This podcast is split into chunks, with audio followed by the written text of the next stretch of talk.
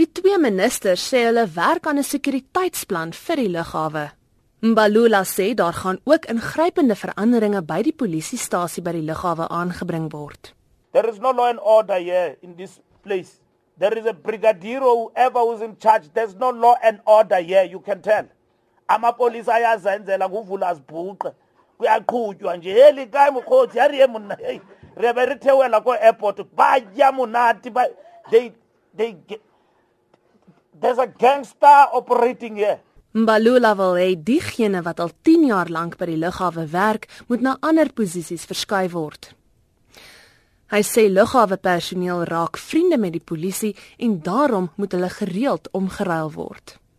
En hy het ook iets oor die douanebeamptes te sê gehad.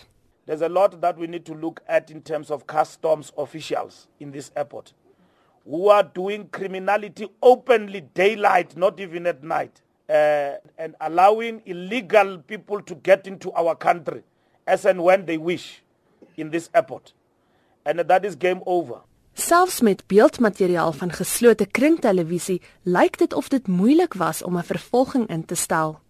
Maglobo sê daar moet howe wees soos tydens die sokker wêreldbeker toernooi van 2010. To say how do you use the model of specialized courts? You have a police station that is here now. You have your other departments, you have your customs, have SARS, you have intelligence and so forth.